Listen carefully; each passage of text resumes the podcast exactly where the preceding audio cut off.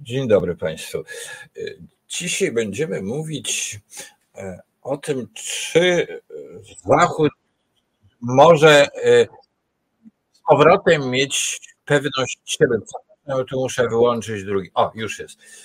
Czy Zachód może mm, powrócić do tego optymizmu, który panował po roku 89? No, pytanie to jest, może być uzasadnione tym, że ten optymizm po roku, te nadzieje roku 89 związane były ze zwycięstwem w zimnej wojnie.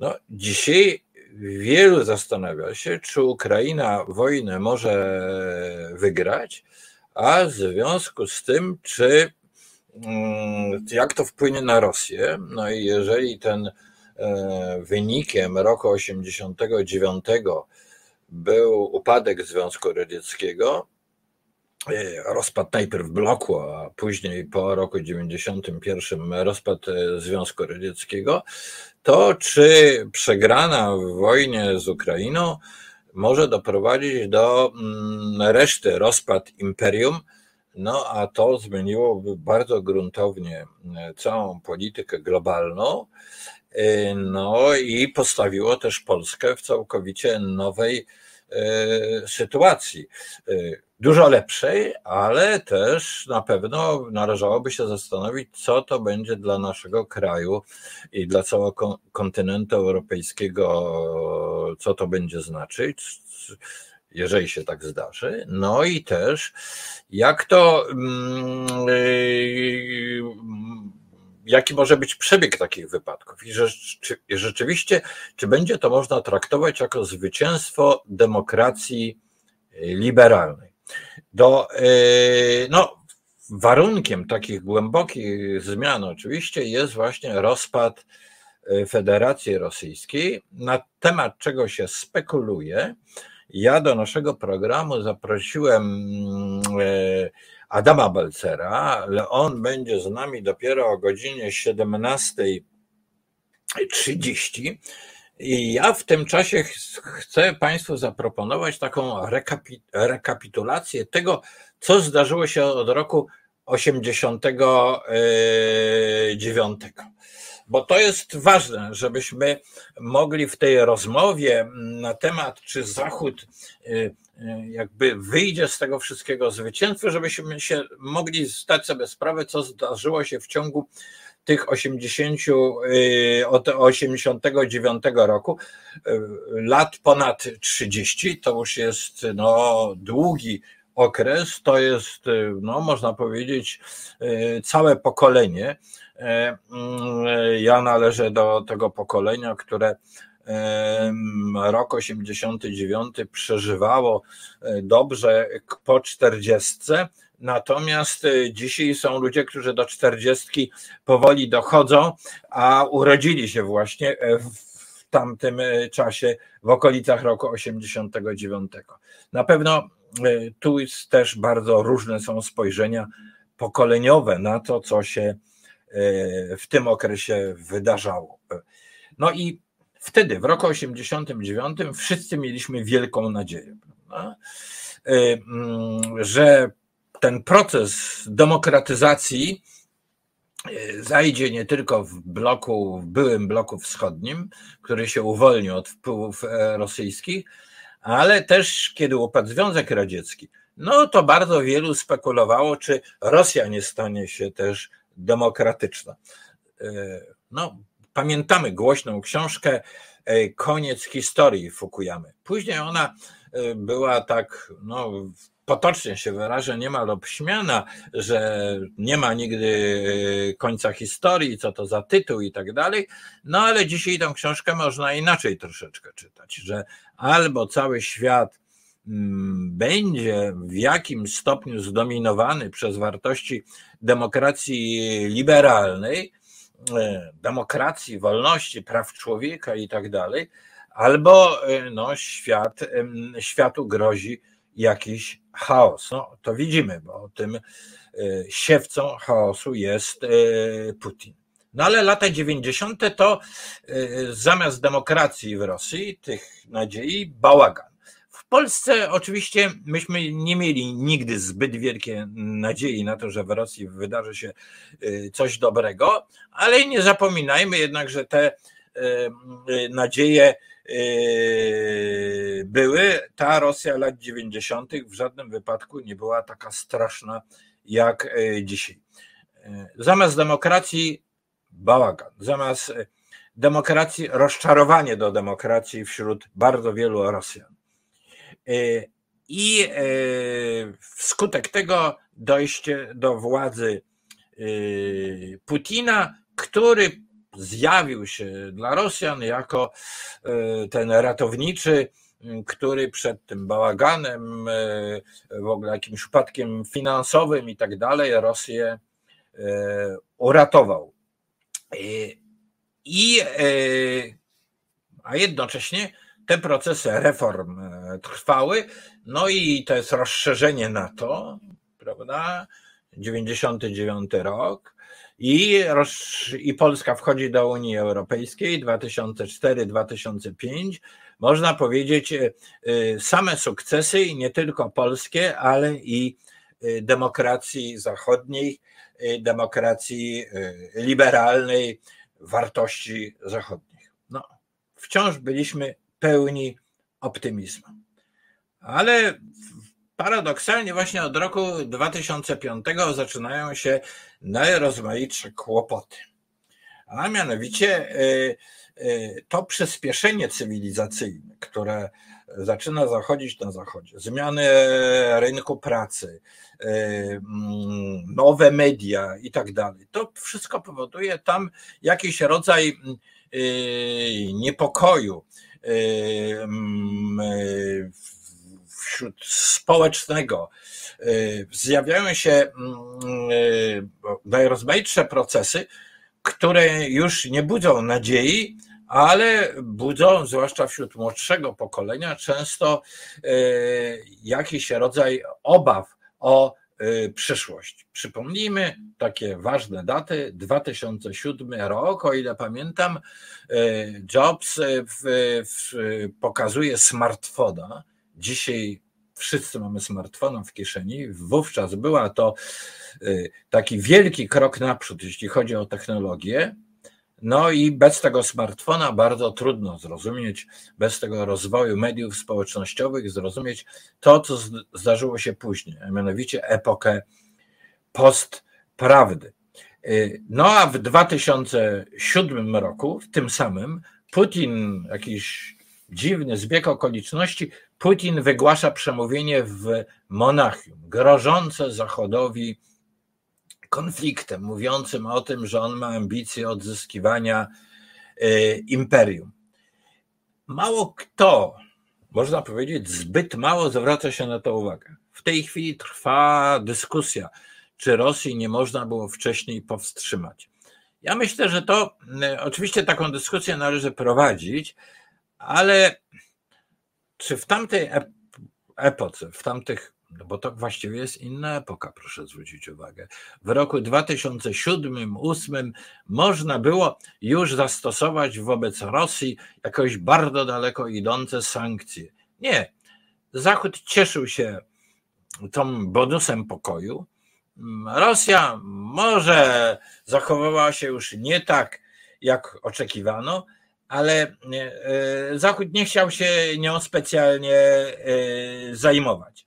A jednocześnie na Zachodzie zaczęły panować e, nastroje takie pesymistyczne. Ja tu Państwu pokażę książki, które niektórych z nich mają polskie tłumaczenia, są znane.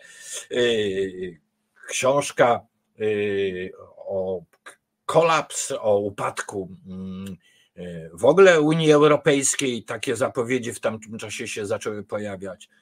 W roku 2016 e, słowo postprawda zostało uznane za takie wiodące słowo światowej opinii publicznej i zaczęło, i ta postprawda zaczęła nas wszystkich straszyć.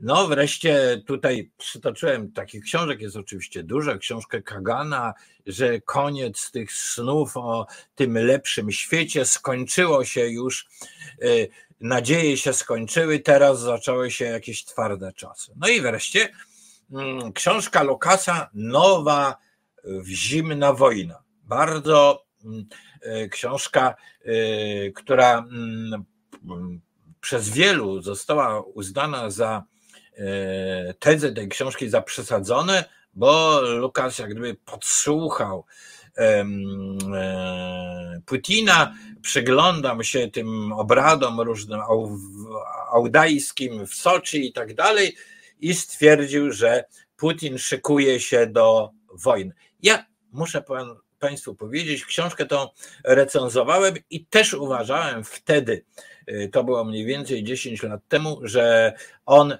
przesadza, ale okazało się, że, że nie, o tym wiemy.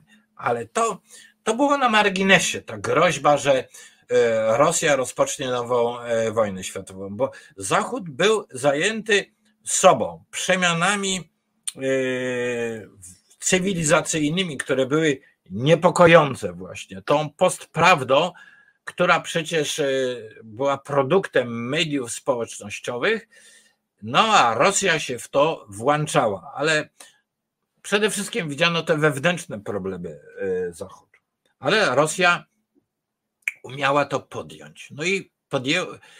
okazało się, że mm, można prowadzić wojnę, można prowadzić wojnę jej nie ogłaszając, że te wszystkie problemy Zachodu mogą być w najrozmaitszy sposób wzmacniane, e, jeśli e, ktoś z zewnątrz, w tym przypadku Rosja, będzie się do tego wtrącać. No i tak, e, tak też, że tak powiem, się działo i Rosja odnosiła bardzo poważne w tej dziedzinie sukcesy potrafiła wmawiać Zachodowi nie tylko, że ma wewnętrzne problemy, ale że jest dekadencją. To powoli zaczęło się układać w jakiś plan Putina. Tego typu, że właśnie mamy do czynienia z dekadenckim mm, kontynentem, że tam nastąpi jakiś bunt, chaos, że E, pojawią się nowe elity, no i Putin bardzo skutecznie zaczął się odwoływać czy szukać partnerstwa z najrozmaitszymi populizmami o bardzo specjalnym charakterze. To znaczy, sam zaczął głosić, że już to taki paradoks, że on, kagiebista, e, Rosja, która ledwie wyszła z komunizmu, zaczęła głosić, że mm, jest y, super tradycjonalistycznym czy konserwatywnym krajem, który broni konserwatywnych wartości przed y, Zachodem dekadenckim, a dlatego dekadenckim, że tam jest LGBT, jakieś niejasne przemiany, e, elity zachodnie są e, e, skorumpowane i tak dalej, i tak dalej, i tak dalej. No, to wszystko zaczęło płynąć z Rosji i Rosja, głosząc jednocześnie jakieś zasady ruskiego miru i tak dalej, jednocześnie przedstawiała się jako obrońca superkonserwatywnych wartości i to, e, to odwołanie mm, łączyło e, Rosję z europejskimi e, populizmami. Z europejskimi populizmami. Między tym tradycjonalizmem czy quasi konserwatywnym rosyjskim, a ruchami ewangelicznymi w Stanach Zjednoczonych, tymi, które poparły Trumpa, czy Y, między Putinem a Salvinim, no ale dodajmy też między Putinem a Kaczyńskim, bo czym innym jest ten populizm PiSu, jak nie głoszeniem, że ta Polska będzie super mm, y, y, katolicka. Tutaj w tej całej serii audycji Państwo pamiętają, mówiliśmy o ideologach PiSu, takich jak Andrzej Nowak i tak dalej, i tak dalej. No i oni właściwie głoszą, że właściwie ta Europa też jest dekadencka, też się, też się rozwali. Nie, oni tak głosili. Oni tak głosili do niemal do lutego 2022 roku. No i właśnie, czy to w jakiś sposób się odwróciło? No, w międzyczasie Rosja z jednej strony słabła, bo nie było tam żadnych reform. E, nazwana, nazywana była powszechnie, e, powszechnie stacją benzynową. Wszyscy liczyli, jak ogromna część dochodów rosyjskich pochodzi właśnie z ropy i gazu i jak te ceny ropy i gazu wpływają na Rosję. No niekiedy one były bardzo wysokie. Przed napadem Rosji na Gruzję ceny ropy wynosiły 140 e, dolarów za barełkę i był to okres, przypominam, kiedy jeszcze nie było łupków bitomicznych, kiedy nie było e, tego nowego źródła gazu i, e, i ropy, tej nowej technologii szczelinowania, jak się to chyba nazywa, i wydawało się, że mm, ceny ropy i gazu się, y, te zasoby światowe się wyczerpują, cena będzie rosła w górę, Rosja będzie rosła w potęgę, Zachód będzie w coraz trudniejszej sytuacji. No, to odwróciło się w tym momencie, kiedy okazało się, że te Stany Zjednoczone, które miały zapasy ropy i gazu, jak wtedy obliczono na 8 lat, nagle zdobyły się na nową technologię, sytuacja zaczęła się odwracać no, mm, w taki sposób, że dzisiaj, jak wiemy, Stany Zjednoczone są jednym z największych producentów tych, e, tego cennego produktu, jakim są e, węglowodany. Tym niemniej Rosja była wciąż potęgą i mm, pod tym względem i czerpała z tego najrozmaitsze, najrozmaitsze profity prowadziła tanią wojnę hybrydową, tą właśnie w wojnę w internecie, wciąż głosząc, że y, Zachód jest y, e, właśnie dekadencki, rozpada się, wzmacniając wszelkiego typu populizmy. Dzisiaj widzimy, że to, była tylko, to był tylko szczyt góry lodowej, bo ogromnie rozbudowana agentura korumpowanie zachodnich e, polityków, czego symbolem stał się e, w Niemczech Schroeder, ale przecież i wielu innych. E, Rosja finansowała Le Pen, która no, ubiegała się o urząd prezydenta Francji. W jakim stopniu Rosja przyczyniła się do Brexitu. Wreszcie wpłynęła na, w jakiś sposób na wybory w Stanach Zjednoczonych. No, ktoś taki jak Trump to był przecież wymarzony po prostu, wymarzony prezydent, przywódca Stanów Zjednoczonych.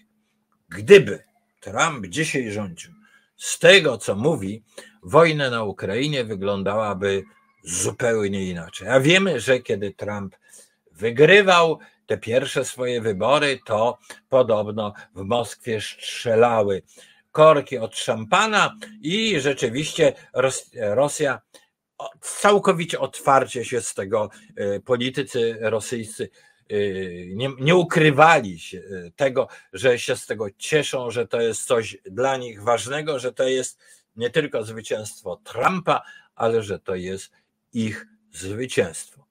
No więc to był ten cały proces, który szedł w, mm, w kierunku, mm, ten, ten plan Putina, jak mówię, mógł wyglądać w taki sposób, odnoszę e, e, same sukcesy, e, mm, Zachód zbliża się do jakiegoś upadku, to przecież też ci najrozmaitsi głoszą populiści i no i teraz co się zdarzyło? Zdarzyło się mm, to, że mm, mm, Putin nie zadowolił się tymi zwycięstwami. być może spostrzegł, że Ukraina jest krajem, który zdołał dwukrotnie uratować własną demokrację. Mówię tu o dwóch Majdanach z 2015 i 2014 roku. Zaczął się reformować i mimo ogromnych trudności, zjawisk korupcji i tak dalej, to jednak to jednak tam był stały postęp. No i ta sytuacja w latach 2019-2020 zaczęła wyglądać w taki sposób, że mm, Ukraina gospodarczo mogłaby Rosję powoli dogonić. No, zdajemy sobie sprawę, że to byłaby, gdyby Rosja zaczęła doganiać Rosję gospodarczo, gdyby to nie Ukraińcy jeździli do Moskwy szukając pracy, ale Rosjanie czy 5 milionów Ukraińców jest w Rosji, ludzi pochodzenia ukraińskiego, zaczęliby wracać do, yy, do Kijowa, do, do, do Ukrainy, to byłaby to gigantyczna porażka rosyjska. No i zamiast yy, czekać na to, że się ten Zachód rozwali, zamiast yy, być może nawet trwać przy tym konflikcie o Donbas i Krym, Putin postanowił przyspieszyć i rozpoczął wojnę z Ukrainą. No, jaka jest obecnie sytuacja? E, no, oczywiście wszyscy się spierają na ten temat, e, czy Ukraina tą wojnę wygra. Ale ja powiem tak, że ja jestem zdecydowanym optymistą. Uważam, że e, Ukraina wojnę wygra. I mało tego, uważam, że wygrają stosunkowo szybko. Obecnie trwa ta ofensywa rosyjska, mm, która polega na tym, że pcha się tam jak mięso armatnie tą piechotę, jak podczas II wojny światowej, tak jak robił to Stalin w okolicach Bachmutu i na całym froncie. Jest to wszystko nonsensowne E, z punktu widzenia militarnego i, i najprawdopodobniej powodowane jest mitologiczną datą rozpoczęcia, rozpoczęcia wojny. No, minie 24 lutego, minie rok i Putin chciałby osiągnąć jakieś minimalne, chociażby propagandowe zwycięstwo, że zajmie część obszarów tych, do których zgłasza pretensje. No ale w dotychczasowej wojnie poniósł, e, poniósł porażkę. Zachód dostarcza coraz więcej broni mm, przy wszystkich wahaniach. Dzisiaj e, wysłuchałem przemówienia Zełęńskiego w Brukseli. Bardzo ciekawe przemówienie, w którym Zełęński występuje no, do pewnego stopnia jako przywódca Europy. I e, ci szefowie właśnie to przywództwo europejskie słucha tego i, mm, i traktuje to z wielką powagą. To znaczy, w ciągu tego roku nastąpiła ogromna zmiana polegająca na tym, że e, Zachód zobaczył, uznał, że na Ukrainie toczy się wojna nie tylko o samą Ukrainę, ale również o los całego kontynentu. I do tego odwołuje się Załański w Brukseli. I, tkwi, I to jest traktowane bardzo wiarygodnie. Bardzo wiarygodnie. Y, w Niemczech, które mm, były sparaliżowane własnym y, y, pacyfizmem, no, te powiedzenie, że niemieckie czołgi nie mogą walczyć znowu na wschodzie Europy, ale również e, kwestie e, gospodarcze były tutaj e, istotnym czynnikiem. Wszystko to zaczęło się zmieniać, prawda? W Niemczech nastąpił bardzo poważny polityczny zwrot. Bryt... Wielka Brytania, no niby sparaliżowana Brexitem, stała się jednak czynnikiem bardzo silnego poparcia dla Y, y, dla Ukrainy. No nie mówiąc o tym, że Biden po pierwsze to jest, oznacza przegraną y, Trumpa przed ponad dwoma latami, ale przypomnijmy sobie na samym początku, Biden ogłasza, że Stany Zjednoczone wycofują się z Afganistanu. Jak komentuje to Rosja? A, starzec potykający się co chwila, wycofał się z y, Ameryka się wycofuje, a my idziemy do, do przodu. Okazało się, że w perspektywie tej wojny wycofanie się z Afganistanu miało bardzo głęboki sens. I być może, być może było przygotowaniem przez Waszyngton e, do wydarzeń, które później nastąpiły. Wyobraźmy sobie teraz, że jakiś ten potężny kontyngent amerykański jest w, mm, w Afganistanie. Jakby to ograniczało kolosalnie amerykańskie możliwości. A tak nie jest, a jednocześnie przypatrując się Azji Centralnej, yy, widzimy, że wszelkie nadzieje rosyjskie na to, że ona będzie odzyskiwała yy, te swoje, swoje imperium, tereny wpływu, no to się wszystko załamuje. Kazachstan wcale nie solidaryzuje się z Rosją, coraz bardziej się oddala a do Azji Centralnej wkraczają mm, Chińczycy i wkracza Turcja. E, mm, Chiny na samym początku wojny. Rosja ogłasza, że właściwie przewodzi e, reszcie świata w pojedynku z Zachodem. E, takie absurdalne rachunki, że po stronie Rosji jest y, tam 3 czy 4 miliardy, a cały Zachód to jest mm, miliard. No bo Indie i Chiny y, i tak dalej, to ma być tam masa, która stoi po stronie Rosji. To się wszystko nie sprawdziło. Dzisiaj Rosja jest izolowana jak nigdy. Sojusznikami Rosji okazuje się być Iran, i okazuje się być, być Korea Północna.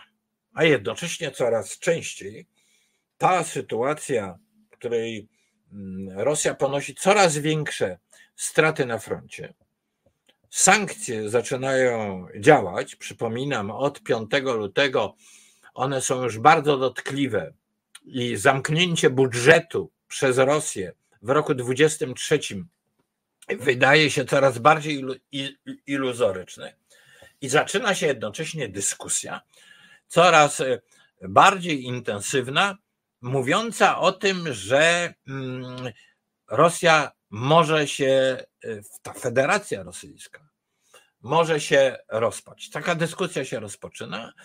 Za mm, tydzień odbędzie się w Warszawie kongres opozycji rosyjskiej no, którym właśnie tematem będzie to, mm, czy Rosja się mm, ma rozpaść. Tam będą przedstawiciele nie tylko opozycji rosyjskiej, tam będą przedstawiciele wielu e, ugrupowań, narodowości, e, tych, które się składają na tą, e, na tą federację.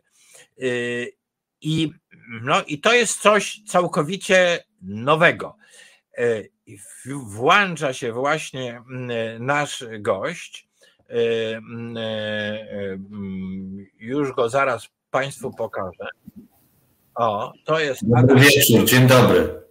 Adam Balca, antropolog i politolog. To, że antropolog jest bardzo ważne, bo jego spojrzenie na Rosję to nie jest spojrzenie kremlinologa, tylko kogoś, kto baczy na regiony mm, e, rosyjskie, e, on mnie zawsze ostrzega przed tym, żeby nie, nie być pospiesznie tym twierdzić, że się federacja rozpadnie, ale przede wszystkim ważny jest opis tej sytuacji. Czy ten, mm, ta sytuacja na froncie, e, ta sytuacja sankcji może doprowadzić do jakichś głębokich zmian w Rosji, również usamodzielnienia się poszczególnych regionów, No, oczywiście ważne jest też otoczenie, otoczenie Rosji i islam, i Turcja, ten nacisk zewnętrzny na te etnie, religie, które są wewnątrz Rosji. Przecież islam odgrywa bardzo poważną rolę w Rosji. To są wszystko pytania, dla, którego, dla których odpowiedzi trudno znaleźć kompetentniejszego rozmówcę niż właśnie Adam Balcer, dyrektor programowy, tak Adamie, Studium Europy Wschodniej, który mieści się w pięknym zamku na, na mm, Dolnym Śląsku, w Wojnowicach. To porozmawiamy tam jeszcze, tam są jakieś duchy, jak ty z tymi duchami rozmawiasz, ale zacznijmy właśnie, ja taką prowokującą mapę umieszczę na początku, zobacz, to jest rozpad Rosji. Takich mapek jest bardzo dużo i ja wiem, że ty jesteś bardzo sceptyczny wobec, y, wobec takich pospiesznych sądów o rozpadzie Rosji. Więc jak to jest?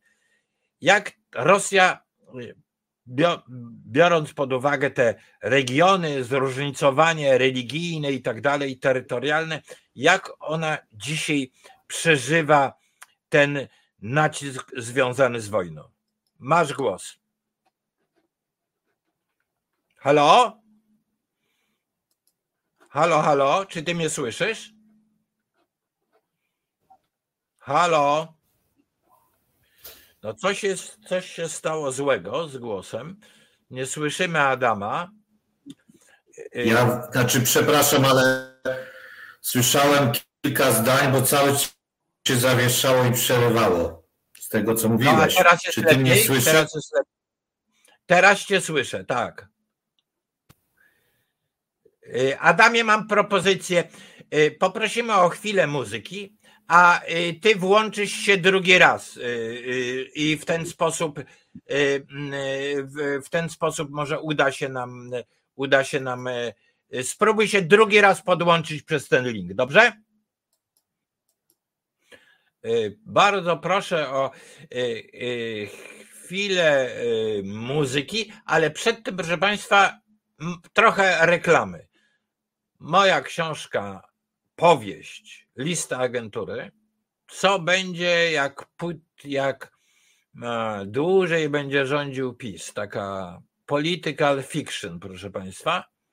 No i też e, moja książka o Ukrainie, globalna Ukraina. Bardzo Państwa namawiam do, do, e, do lektury tej książki. To była autoreklama, a w ogóle to proszę lajkować, subskrybować Reset Obywatelski, w ten sposób wspomagacie niezależne dziennikarstwa. Teraz drugi raz próbujemy porozumieć się z y, Adamem Balcerem. Miejmy nadzieję, że teraz będzie z głosem dużo lepiej. Adamie, bardzo proszę. Tutaj jest, widzę, prośba do mnie o kabel sieciowy, ale ja nie mam e, kabla sieciowego, więc e, E, nie wiem, czy Państwo mnie słyszą? Tak, tak. Wydaje mi się, że Ciebie słyszymy. Więc pytanie. Okay, Rosja, e, jej regiony, etnie, religie. Jak ten gigantyczny twór reaguje na tą wojnę? Cały czas. Halo? No, y, ja słyszę co drugie y, słowo, coś przerywa. Adamie, po prostu odpowiadaj na pytanie, co się dzieje z Rosją dzisiaj, z jej regionami, z jej, e, e, czy Rosja może się rozpaść? To jest to zasadnicze pytanie, które chcę Tobie zadać jako antropologowi.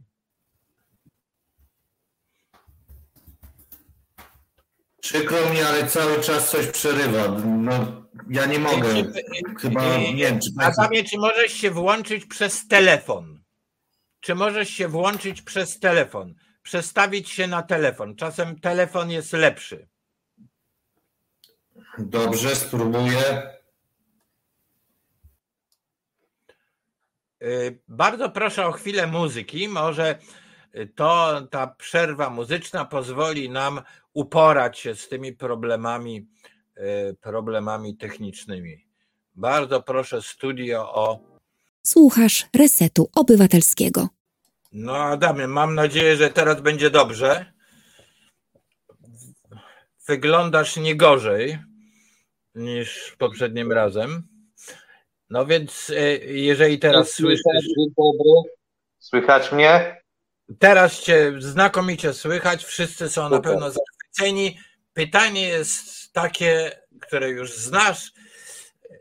Co się stanie z Federacją Rosyjską pod naciskiem tej wojny, naciskiem zewnętrznym, e, ale i, i naciskiem na skutek ewentualnej porażki z Ukrainą?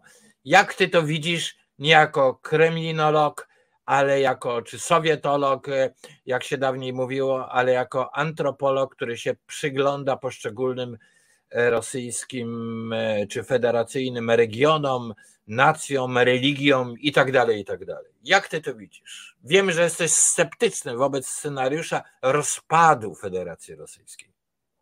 Dlatego jestem sceptyczny, bo no, zdefiniuj, zdefiniujmy, co znaczy słowo rozpad. No rozpad to jest taka sytuacja jak rozpad Związku Radzieckiego.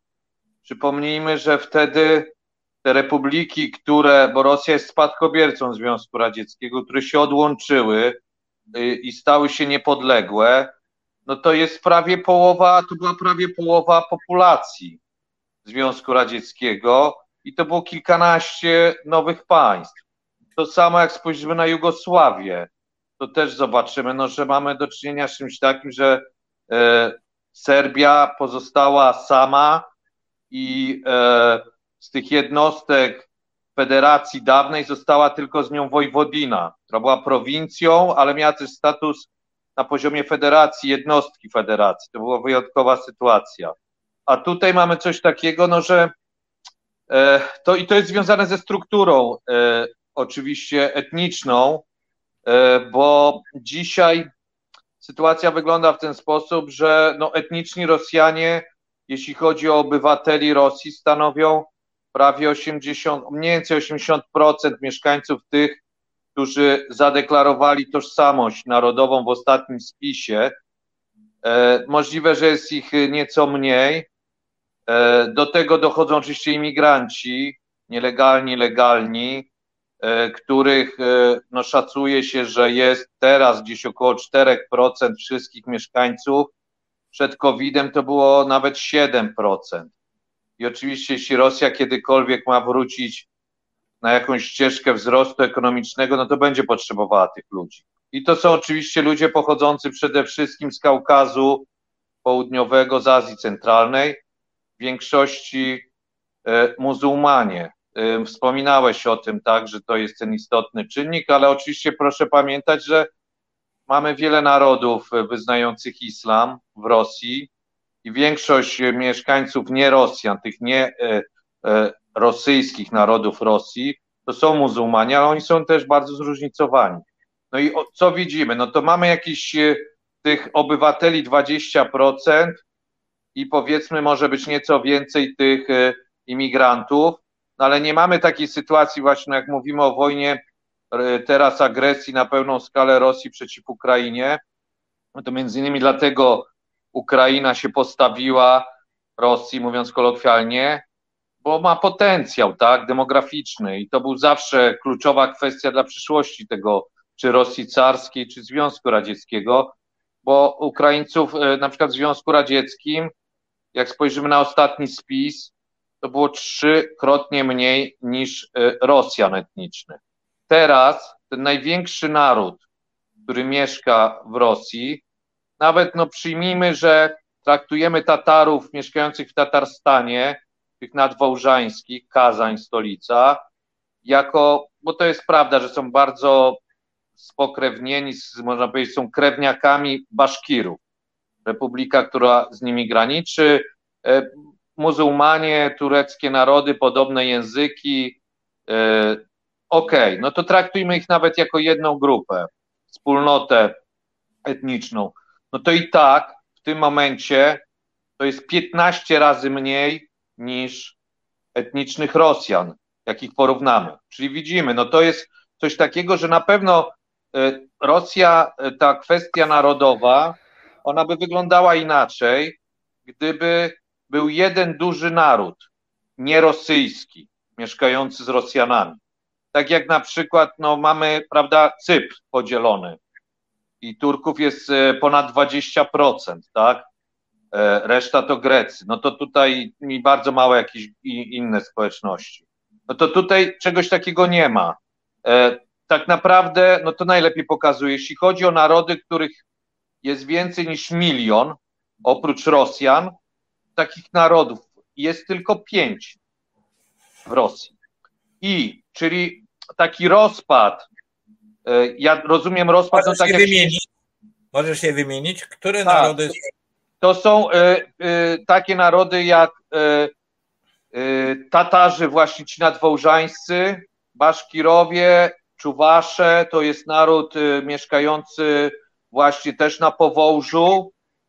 Opowiem o nich jeszcze wszystkich który jest prawosławny, chociaż jest narodem tureckim, bo to nie jest tak zawsze, że Turek równa się muzułmanin. E, I do tego mamy jeszcze e, Czeczeńców i mamy Awarów.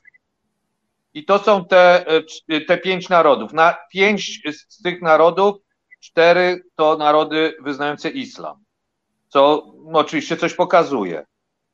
I teraz tak, natomiast no rozpady jeszcze takich państw wieloetnicznych, no to znamy z historii, no na przykład rozpad Austro-Węgier, prawda? No to możemy spojrzeć, co się stało, jaką część terytorium i mieszkańców, jak weźmiemy oddzielnie Austrię i Węgry, no to widzimy, że Austria czy Węgry, no to pozostało jakieś 30% terytorium i też zdecydowana większość mieszkańców E, w obu przypadkach e, po I wojnie światowej znalazła się poza granicami e, Węgier i Austrii. No to tutaj no ten scenariusz, no, no po, powinniśmy być realistami, no jest no bardzo mało prawdopodobny taki rozpad na, pełno, na wielką skalę, tak?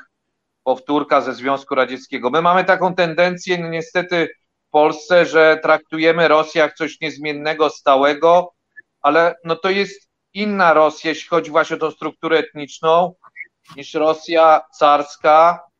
Wtedy Rosjan było y, przed pierwszą wojną światową, był tylko jeden spis y, y, w Rosji carskiej, do którego oczywiście możemy mieć zastrzeżenia i powinniśmy mieć, jak to do wielu spisów. E, mm, on był w 1897 roku, pierwszy i ostatni. Rosjan było 44% no to jest inna Rosja, tak, niż Rosja dzisiejsza. I co nie zmienia faktu, jak się pytasz, czy ja zakładam, że może dojść do scenariusza przypominającego bardziej to, co stało się po I wojnie światowej z Rosją, to znaczy, no, że Rosja straciła jakieś terytoria, tak? No wiemy, że straciła Finlandię, straciła na przykład y, E, Litwę, Łotwę, Estonię, większość terytorium II Rzeczpospolitej, to są dawne tereny należące do Rosji carskiej, tak, które Rosja zajęła w wyniku rozbiorów. E, do tego mamy, e, prawda, Besarabię między Dniestrem a Prutem, to jest dzisiejsza Republika Mołdawii, która trafiła do Rumunii, tak? Mamy Kars w Turcji, czyli Tur w Europie no, Kars nie jest oczywiście w Europie w tym przypadku geograficznie, ale no, straciła sporo Rosja. I ten scenariusz tak, to nie możemy wykluczyć, że są regiony, które może Rosja stracić. To jest oczywiście, no, nie, nie będę odkrywał Ameryki, znowu można się odwołać do tej najnowszej historii, że no mamy jeden region, gdzie Rosja, jak wiemy, no, e, spotkała się w momencie, kiedy się rozpadał Związek Radziecki z e, no, ruchem oporu, walką o niepodległość, czyli Czeczenią. E, I następnie, że mieliśmy, prawda, Emirat Kaukaski, prawda, walkę państwa rosyjskiego z separatystami właśnie w Kaukazie Północnym, na Kaukazie Północnym. No i tutaj, no tak, tu jest coś takiego, że co widzimy na, na podstawie tego spisu ostatniego, przeprowadzonego w Rosji, no widzimy coś takiego, że zawsze w, Ros w ramach Kaukazu Północnego ta część jego wschodnia, czyli Dagestan, Czeczenia, Inguszetia, to były regiony, gdzie Rosjan było znacznie mniej zawsze niż w części zachodniej. To można by tłumaczyć no, różnymi przyczynami, przede wszystkim tym, że tamte regiony, takie jak Osetia, e, Republika Kabardyjsko-Bałkarska, Kabardia-Bałkaria i Karaczajo-Czerkieska, to są te republiki, gdzie no, e, Rosjan było więcej, bo to były tereny, y, to są tereny, gdzie ziemia jest lepsza, więc w ramach tego podboju no, dochodziło do na większą skalę ludo, do ludobójstwa i czystek etnicznych, żeby przejąć ziemię. Natomiast co widzimy? Że ten wschodni Kaukaz, Czeczenia, Inguszetia, Dagestan, to są regiony, gdzie Rosjan strasznie mało. Bardzo, tak? I jedziemy na zachód i widzimy, że to, co się dzieje z Osetią, E, e, kabardyjsko-bałkarską i karaczajo-czerkieską republiką, to jest wyraźny spadek populacji rosyjskiej. Jak spojrzymy na te ostatnie, od momentu rozpadu Związku Radzieckiego, no to jest taki trend wyraźny. Tam Rosjan jest średnio 20, teraz może troszkę więcej, 20 kilka procent. I należy zakładać, że ze względów demograficznych, tutaj jak mówimy o muzułmanach, to warto pamiętać, że właśnie Kaukaz Północny w ramach Rosji wyróżnia się wysokim przyrostem naturalnym rdzennej ludności, e, w odróżnieniu na przykład od Tatarów, e, którzy są muzułmanami, tych mieszkających właśnie wokół Kazania, w Tatarstanie, czy Baszkirów, gdzie ten przyrost jest zdecydowanie mniejszy. I z drugiej strony oczywiście Rosjanie się starzeją, mają znacznie przyrost, część migruje, więc e, zmienia się ten, e, ta część zachodnia Kaukazu Północnego, zaczyna coraz bardziej przypominać tą część wschodnią. I tutaj oczywiście pojawia się pytanie, e, że mamy region, który graniczy na południu z Azerbejdżanem i Gruzją. Azerbejdżan jest krajem, który jest związany historycznie, kulturowo z Dagestanem. E, mamy po obu stronach granicy na przykład Lezginu, e, mamy e, kilka procent populacji Dagestanu to Azerowie, do tego mamy ludy tureckie mieszkające w Dagestanie, mniej więcej 20% populacji. Więc Azerbejdżan na pewno jest jednym z sąsiadów, który może oddziaływać. Jest kwestia oczywiście różnicy religijnej w ramach islamu wyznaniowej, bo większość Azerów jest e, szyitami, w odróżnieniu od mieszkańców Dagestanu sunitów. E, I mamy oczywiście Gruzję, która, no jak wiemy, e, no, z jej perspektywy, no te relacje z Rosją są bardzo trudne i ma tą świadomość Gruzja, że historycznie na początku została ona podbita, potem Kaukaz Północny, no i panowanie nad Kaukazem Północnym było powiązane z, no było warunkiem z perspektywy Rosji kontroli Kaukazu Południowego. Więc mamy dwóch sąsiadów, którzy mogą być zainteresowani, gdyby następował taki scenariusz, że pojawia się tendencja separatystyczna, e, w sprzyjających warunkach, żeby to wesprzeć, e, te, tego typu tendencje. Następnie, jak wspomniałeś, Turcja.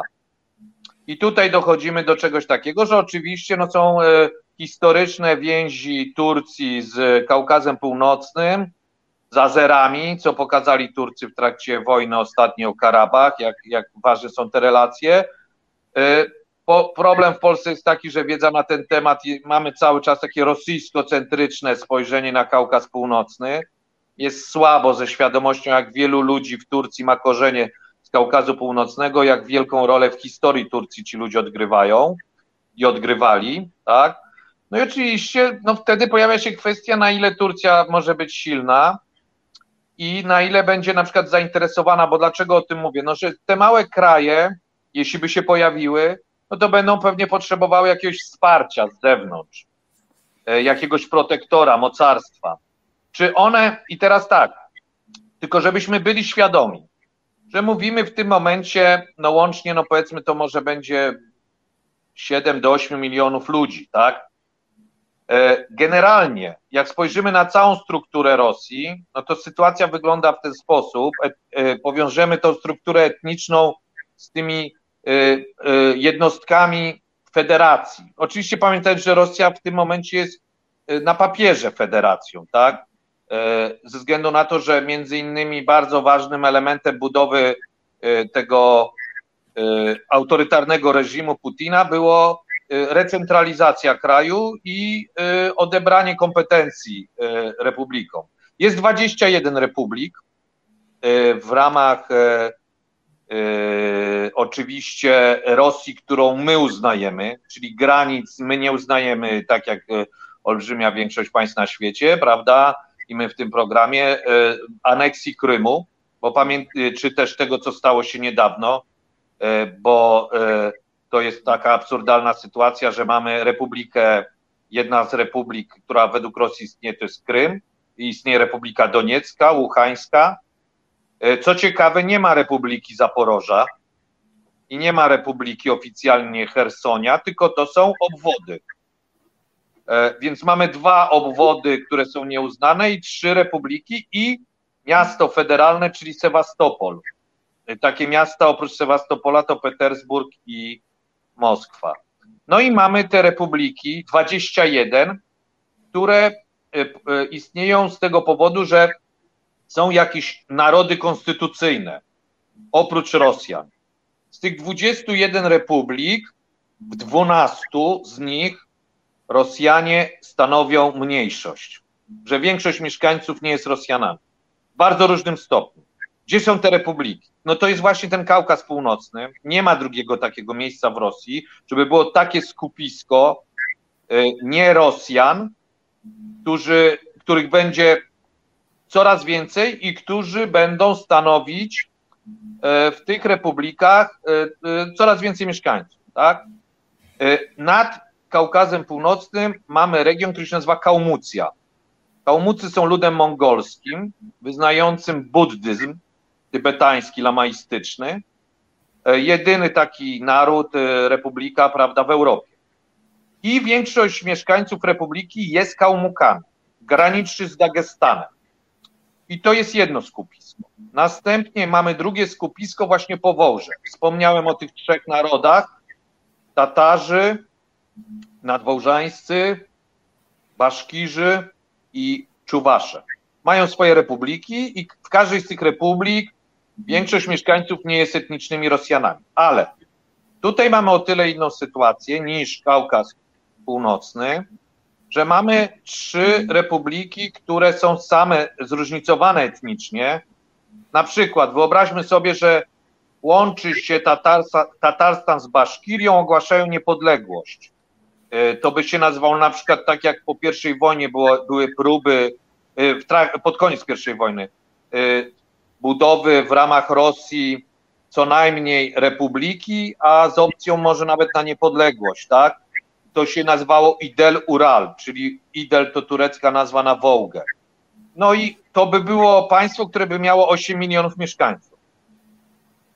Ale y, no, Rosjanie by stanowili blisko 40% populacji w tym państwie. Więc mamy inną strukturę etniczną, jak spojrzymy na mapę, no wiadomo, że teraz nie będziemy tutaj pokazywać map, ale to mogą sobie Państwo wyobrazić, że to wyglądało, wyglądało w ten sposób. No tutaj pokazujesz, e, Kaziu, mapę, która no, no nie, nie pokazuje struktury etnicznej, no tylko pewną wizję, co, może, co mogłoby się stać z Rosją. I chodzi o co? Że mamy y, bardziej w tym przypadku y, republiki, które mają charakter taki wyspowy, są otoczone przez regiony bardziej zamieszkane przez Rosjan.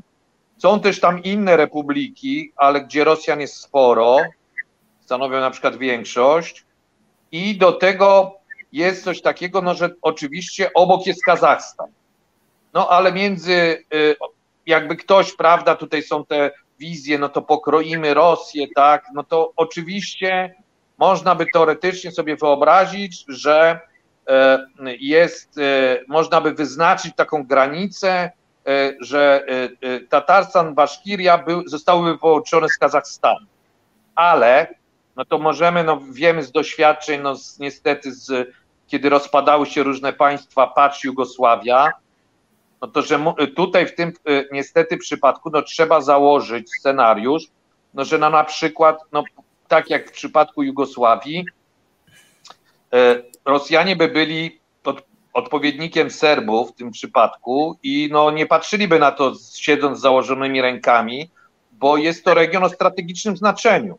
Oprócz tego, że są tam złoża, na przykład Tatniew, nie przypadkiem z Tatarstanu, na przykład do, do dzisiaj kupujemy stamtąd trochę, e, e, kupujemy ropę, chociaż nie powinniśmy, no to oprócz tego są to, mamy duże miasto Kazań, całkiem sporą Ufę, ale położenie, no przypomnijmy, to jest region, który jest bramą do Azji Centralnej i bramą do Syberii perspektywy rosyjskiej. Zdobycie Kazania w 1552 roku przez Iwana Groźnego, co upamiętnia cerkiew na Placu Czerwonym, błogosławionego Wasyla albo Bazyla, to było jedno z najważniejszych wydarzeń historii y, Rosji, kluczowe dla ekspansji. Więc y, y, to jest z tego powodu no oczywiście inna sytuacja niż Kaukaz Północny. Ruszamy dalej. W głąb. Właśnie, rusz, rusz na wschód od Uralu. Jak to jest? Tak. I teraz tak, bo my też znowu no, będę czasami odwoływał się do Polski. No problem jest taki, że znowu my mamy, ta wojna pokazała, y, że niestety jest bardzo wysokie przekonanie w Polsce, że my się świetnie znamy na Rosji. Oczywiście nikt inny się tak nie zna jak my. Przepraszam, że jestem trochę taki sarkastyczny, złośliwy, ale jest taka tendencja. E, oczywiście wyszły też różne te wizje, że Rosja to spadkobier, e, prawda, spadkobierczyni Mongołów, Złotej Ordy, Tatarów. To naprawdę, jak, jeśli chcesz, to o tym porozmawiamy, to jest dowód niesamowitej ignorancji i przejmowania e, tez historiografii rosyjskiej, nie zachodnioeuropejskiej. I też arogancji oczywiście, bo, bo, jak, bo jednocześnie ci ludzie, którzy to mówią bardzo często, jak się z nimi porozmawia, to, to mówię o naukowcach, to ich wiedza na temat tych nie Rosjan jest y, najdelikatniej mówiąc słaba. Przepraszam, że to mówię, ale tak to wygląda. No Dobrze. Czekaj, to powtórzę może, daj mi sobie przerwać i powtórzę to, co ty opowiadałeś. Pamiętam, razem byliśmy w Ostrogu w Akademii i miałeś wspaniały wykład na temat kultury stepu. Jest ta tendencja w Polsce, że Rosjanie to są tak zniewoleni byli i odziedziczyli takie mm, autorytarne tendencje od właśnie nomadów, Tatarów i tak dalej. Natomiast ty broniłeś tez, że kultura stepu jest kulturą wolności, że to są i że tu trzeba bardzo przewartościować pewne y, takie y, nasze wyobrażenia historyczno-kulturowe. To, to, tak, mnie to zrobiło tym, bardzo duże wrażenie. tak, tak, zaraz o tym porozmawiamy. No, y, poczynając od tego, że to były demokracje wojskowe i tak są te państwa, tutaj o tym jeszcze porozmawiamy. No, nie przypadkiem, no, nazwa Ukraina wynika z pogranicza ze stepem, E, poprzez obszar przejściowy lasostepu i stąd nawet słowo kozak, przypominam, jest słowem tu tatarskim, tureckim, tak? Tak samo jak etymologia narodu takiego jak Kazachowie. Ale widziałem, że ktoś wspominał tu, o, pisał, bo widzę też e, ten czat o Jakucji. No więc, bo powiedziałeś, ruszmy na Syberię, więc ruszamy. E, I co widzimy? Po pierwsze, a nawiązując do tej e, pewnej ignorancji, arogancji, że tak, e, mieliśmy w Polsce, słyszeliśmy, większość żołnierzy, którzy walczą w Ukrainie rosyjskich, to nie są etnicznie Rosjanie. Bzdura. Są nadreprezentowani wśród szeregowców, ale większość to nadal są etniczni Rosjanie. Jak słyszą Państwo o Buriacji, nie przebiło się w Polsce Bucza Buriaci, Bucza Buriaci cały czas, tak? No, o masakra.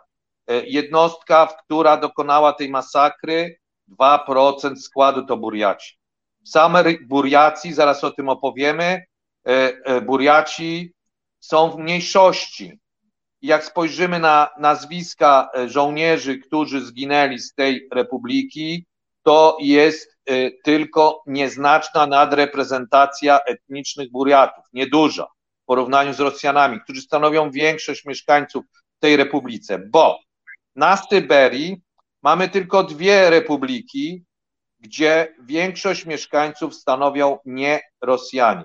Jedna to jest Jakucja, która oczywiście robi wrażenie, jest trochę lepiej znana w Polsce, bo jest gigantyczna, tak? Bo mówimy o kraju, który, regionie, który ma 3 miliony, prawie 100 tysięcy kilometrów kwadratowych. To jest niewiele mniej niż Indie. No, wielki kraj, w którym mieszka około miliona ludzi, tak? E, większość e, stanowią e, Jakuci, którzy są jednym z większych tych rdzennych narodów, to jest lud turecki, ale którzy, jeśli chodzi o wyznanie, mamy rdzenną religię, szamanizm i prawosławie. Często łączące się, mam jakiś synkretyzm, metysarz. I to jest jeden z, to, to jest ten duży, relatywnie, duży w sensie mówi no około pół miliona ludzi, tak? Naród nierosyjski. Drugi, drugi taki naród to Buriaci, ale Buriaci są rozproszeni, w tym samej Buriaci są w mniejszości, w samej Buriacji są w mniejszości. I kolejna taka republika, gdzie olbrzymia większość mieszkańców nie jest etnicznymi Rosjanami, to jest Tuwa. Tuwa graniczy z Mongolią. Tuwińcy są ludem tureckim, wyznającym e, buddyzm lamaistyczny, przemieszany często z, szaman, z szamanizmem. E, historycznie powiązani z Mongołami na takiej zasadzie, jak mamy takie związki typu Walijczycy, Anglicy, tak? E, I no jest to mała republika. Tuwińców jest no, niespełna 300 tysięcy. O co chodzi? Co widzimy? Że u nas często mówiono, że a, prawda, bo mówimy Rosjanie Kałmucy, Rosjanie Mongołowie, obra, o, no tak w ramach tego obrażania, tak? I no oczywiście wtedy pojawia się pytanie, no a czy nie myślicie o tym, że obrażacie tych, te właśnie narody, tak? Które często wycierpiały bardzo ze strony Rosjan, tak? No więc jest to przekonanie, a to Azjaci, Azjaci, czy nie Rosjanie, to Azjaci. Jeśli przyjmujemy kryterium geograficzne, to pamiętajmy o tym, że po drugiej stronie, tej azjatyckiej stronie Uralu, e, z perspektywy geograficznej, jest tak, że te ci rdzenni mieszkańcy Syberii, nie Rosjanie, stanowią trochę więcej, jedynie, nieznacznie więcej niż 5% populacji. W odróżnieniu od europejskiej Rosji. To europejska Rosja jest znacznie bardziej zróżnicowana etnicznie. Jeśli dołączymy jeszcze tych imigrantów zarobkowych, no to bardzo wielu z nich oczywiście przyjeżdża do Moskwy, do Petersburga, tak, do tych dużych miast. I w efekcie, tak jak na przykład mieliśmy lidy w artykułach, tak, że wysyłają Rosjanie do walki Azjatów i wymieniano Dagestan, Kałmuków, tak, no to przypomnijmy, to jest Europa. Kałmuków deportowano, to było ludobójstwem, zrobiła to Rosja e, sowiecka podczas II wojny światowej, traktując ich jako e, właśnie odpowiedzialność zbiorowa, kolaboranci Niemców. No i oczywiście argument był taki, e, wy jesteście obcy w Europie, wywozimy was do Azji, tam skąd pochodzicie. Więc naprawdę radziłbym troszkę więcej wiedzieć o tych narodach. I teraz tak, Y, jak spojrzymy na te tereny Azji, Syberii, to widzimy coś takiego, że często y, te y, narody są też, na przykład jak mówimy o Jakucji, no to mamy kraj, no można sobie wyobrazić, no mogłaby istnieć Jakucja 3 milionowa, 3 miliony kilometrów kwadratowych, około miliona mieszkańców. Ale znowu, ze znaczącą populacją rosyjską, 30 kilka procent w tym momencie. I do tego dochodzi jeszcze kolejna kwestia, że jak spojrzymy na mapę etniczną Jakucji, to zobaczymy, że większość terytorium Jakucji jest zamieszkana nie przez Jakutów, tym przez Rosjan, tak? I e, tak naprawdę te tereny zamieszkane przez Jakutów stanowią e, taki jakby rdzeń samej Jakucji, a są otoczone przez tereny, gdzie Jakuci są w mniejszości, często zdecydowanych. Więc znowu wyobraźmy sobie taki scenariusz, że ktoś wpada na pomysł, odłączamy się. Przypominam, że jak rozpadał się Związek Radziecki, 91, drugi rok, jak spojrzymy, jak zachowywały się te republiki, to taką formalnie niepodległość chciały mieć dwie republiki, tylko dwie. Tatarstan i Czeczenia. Oczywiście teraz sytuacja, można powiedzieć, jest inna w niektórych regionach, bo struktura etniczna jest inna. No Kaukaz Północny, jak mówiliśmy, zmienia się. Ale tutaj, no znowu patrzymy, tu jeszcze bardziej na Syberii niż na Powołżu mamy taką sytuację, że Jakuci by są, jak spojrzymy na mapę, no otoczeni przez e, Rosjan, przez tereny zamieszkane przez etnicznych Rosjan. Więc wtedy musielibyśmy sobie wyobrazić scenariusz, że miejscowa ludność rosyjska też chce się odłączyć. I to już jest coś pytanie do często ludzie, którzy tak mówią właśnie o tym rozpadzie w Polsce, e, to generalnie część z nich jednocześnie Rosjan przedstawia jako monolit. Od wieków tacy sami, niezmienni i tak dalej, tak? No więc, no momencik, no to tu jest sprzeczność wewnętrzna i pojawia się pytanie, czy możemy sobie wyobrazić, że ci Rosjanie mieszkający, oni się różnią, e, mają swoją specyfikę i Rosja jest tak wielkim krajem terytorialnie, że oczywiście powinno dojść do czegoś takiego, że jeśli kiedykolwiek ma rozpocząć się proces demokratyzacji Rosji, i oczywiście chcielibyśmy bardzo, nie można e, być od razu przekonanym, że to jest niemożliwe i tak dalej, nie będzie Rosja najprawdopodobniej nie będzie krajem tak demokratycznym jak te demokracje liberalne zachodnie, ale nawet jakaś demokratyzacja, że będzie krajem, używając terminologii Freedom House, częściowo wolnym, tak jak była przez kilkanaście lat po rozpadzie Związku Radzieckiego, no to już dla nas jest to pewien potencjał do tego, żeby mieć no, innego, inny kraj e, na wschodzie, jeśli chodzi o Unię Europejską. I co tutaj jest bardzo ważne? No, że wtedy jest potrzebne, żeby Y, nastąpiło coś takiego, że ten kraj stanie się prawdziwą federacją. Decentralizacja władzy, czyli wprowadzenie tych checks and balances do systemu. Bo ludzie mieszkający na Dalekim Wschodzie, we Władywostoku, no z oczywistych powodów, y, no bardziej ich interesuje Korea Południowa, Japonia, to co się dzieje tam, niż mieszkańca Kaliningradu, tak?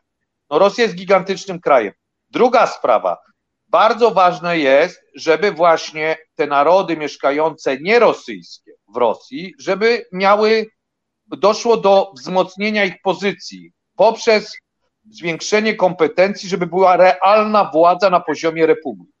I ludzie z tego poziomu republik powinni uzyskać mocniejszą pozycję w centrum. I ich wrażliwość, ich pamięć historyczna, ich tożsamość powinny być o wiele bardziej uznane przez Rosję. Czyli to jest ta droga do, żeby Rosja powinna, e, powinna stać się krajem bardziej e, uznającym swoją wieloetniczność, wielokulturowość i e, zróżnicowanie. I wtedy taka Rosja, no to możemy założyć, że na przykład no będzie musiała przemyśleć tradycję imperialną, tradycję kolonialną, podboju. To nie jest tak, że Rosjanie tylko robili straszne rzeczy i tak dalej są, prawda, to jest tylko Rosja równa się imperializm, ale no dramat Rosji polega na tym, że dzisiaj oni to wszystko negują, odrzucają, nie chcą o tym rozmawiać, tak? Przedstawiają siebie jako raj wielokulturowy, wieloetniczny, nie to co na zachodzie. Ale rzeczywistość jest taka, że jak spojrzymy na te elity rządzące z tym, tym krajem na poziomie centralnym, to jest drugi problem, oprócz tego braku kompetencji republik, że ci ludzie, nie Rosjanie, są bardzo, bardzo niedoreprezentowani. To dotyczy też armii.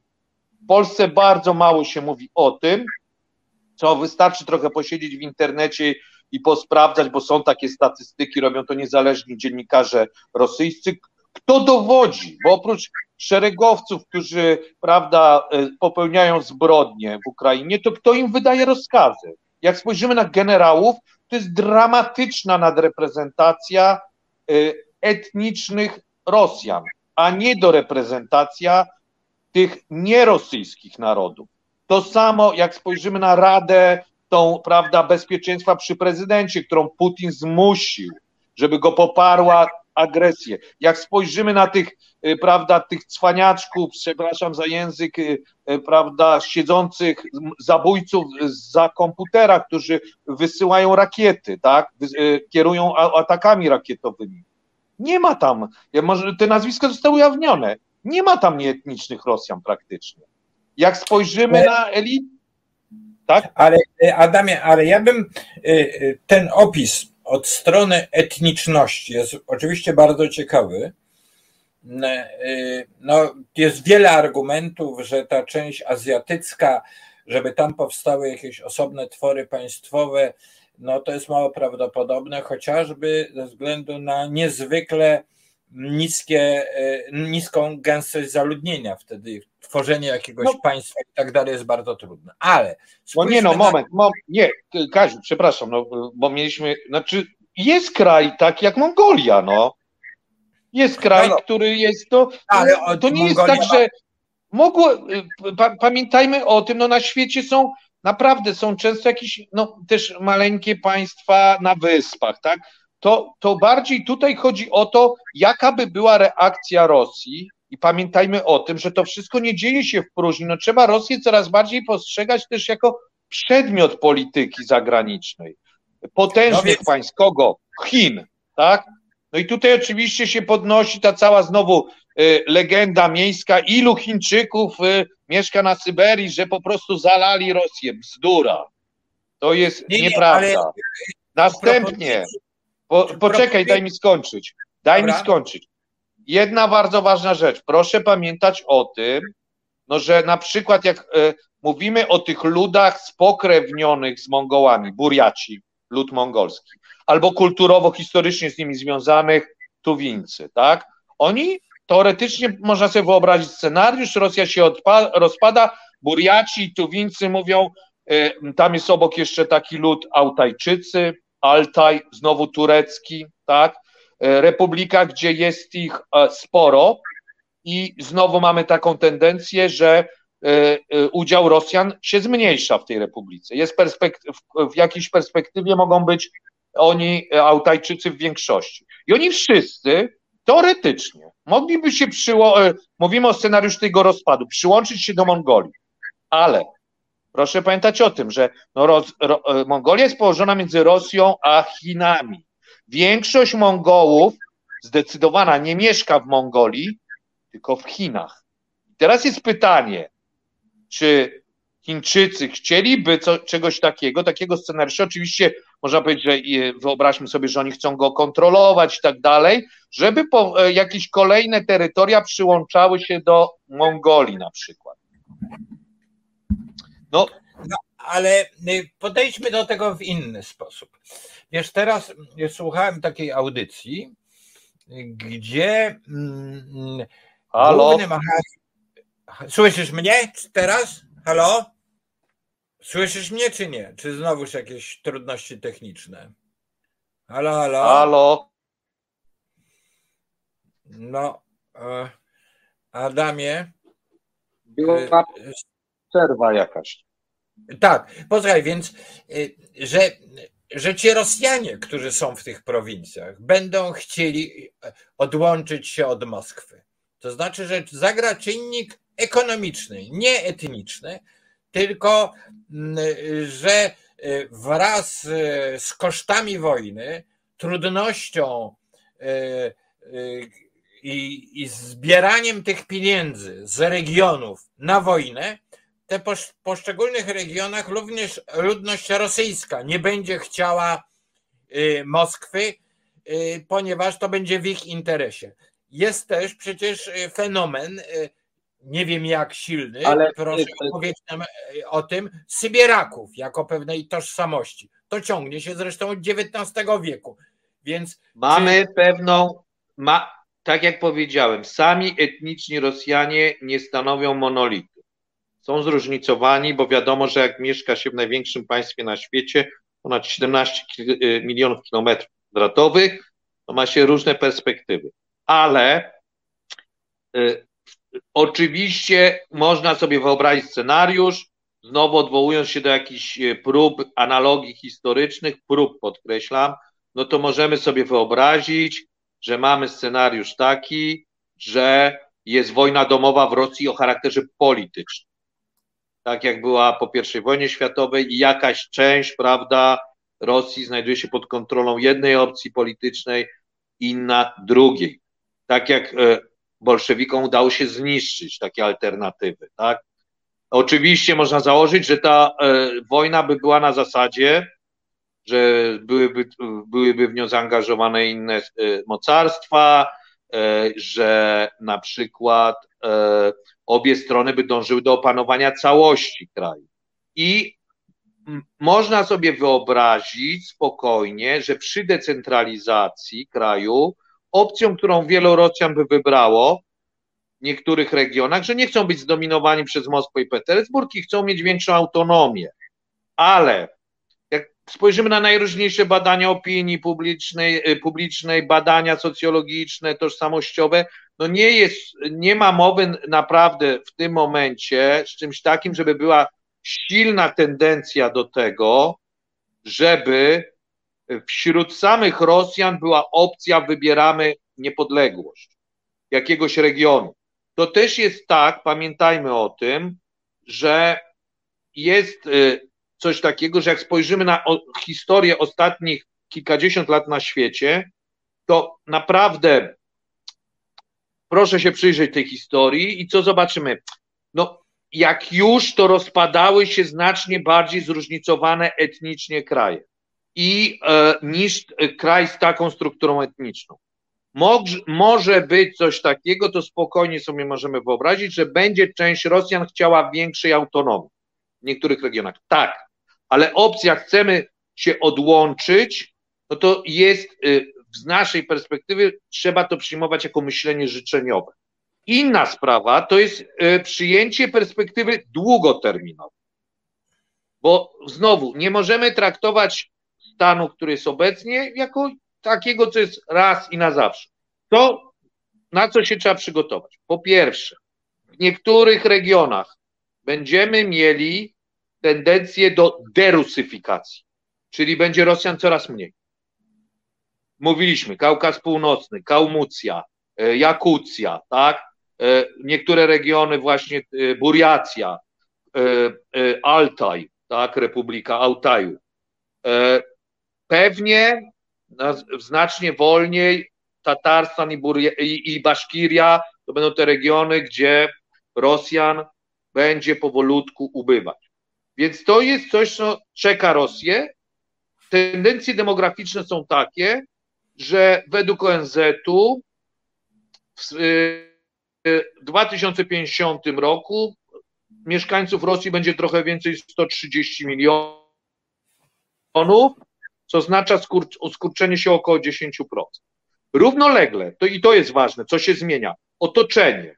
Bo mówiliśmy o tym, że no, jeśli Rosja ma powrócić na ścieżkę wzrostu, jeśli coś się zmieni też, y, jeśli chodzi o system polityczny i tak dalej, no to będzie Rosja potrzebowała imigrantów. Imigrantów z południa.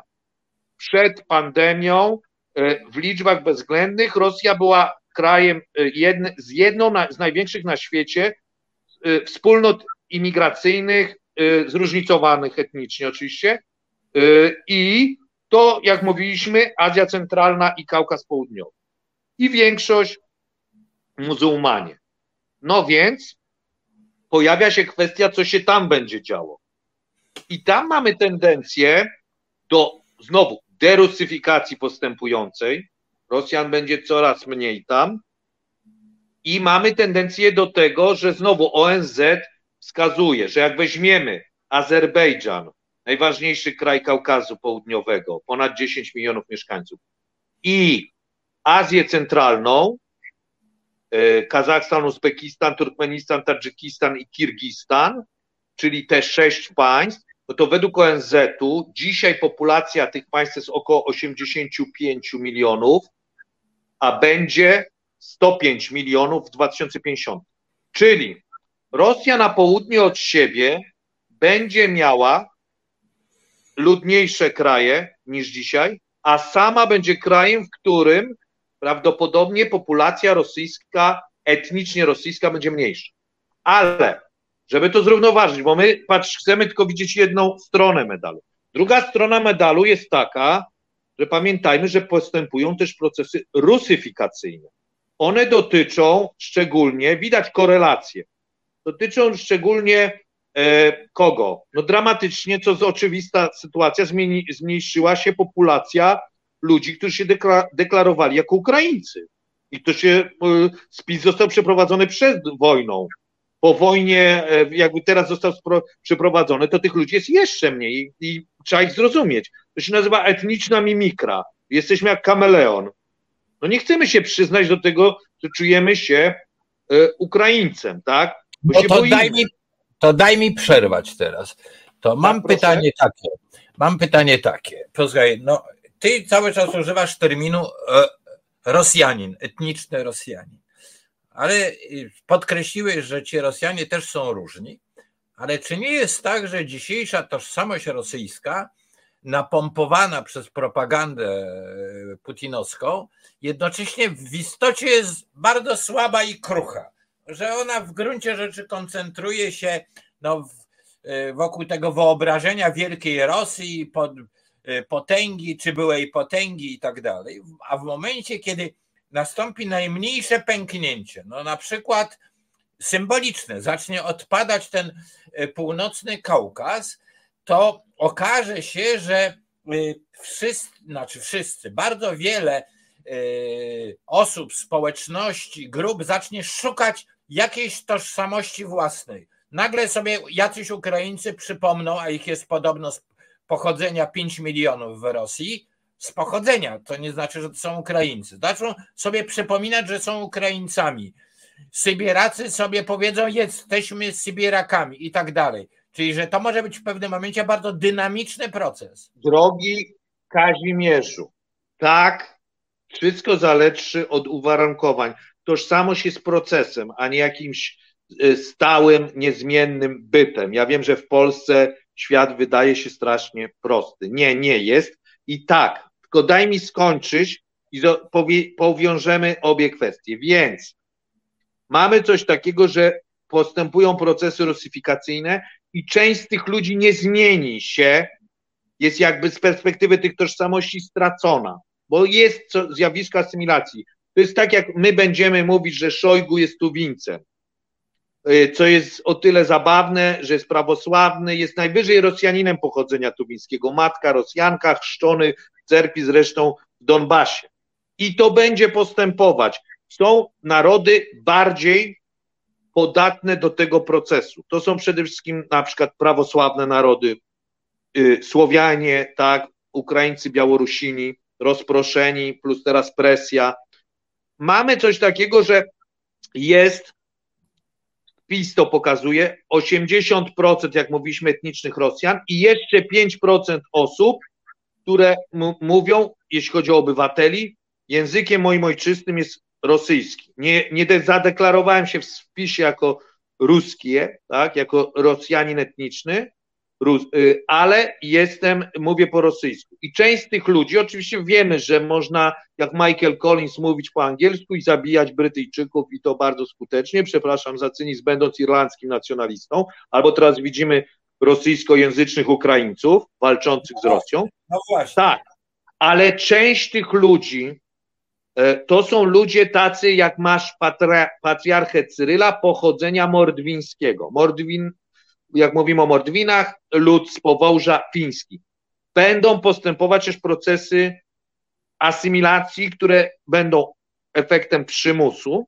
I tu jest pytanie, że oczywiście, jeśli chcesz Rosji, która jest mniej imperialistyczna, mniej wielkomocarstwowa y, i bardziej zróżnicowana wewnętrznie etnicznie, bo to jest ze sobą pochodne, y, że ci ludzie są bardziej podmiotowi miotami ci, którzy i mają w ramach jego znaczenie, no to oczywiście w takich warunkach część ludzi, tak jak wspomniałaś, wróci do korzeni, odkryje swoją tożsamość, przypomnij sobie, ok, ja jednak jestem Mordwińcem, Rosjaninem i Mordwin, e, Mordwinem, przepraszam.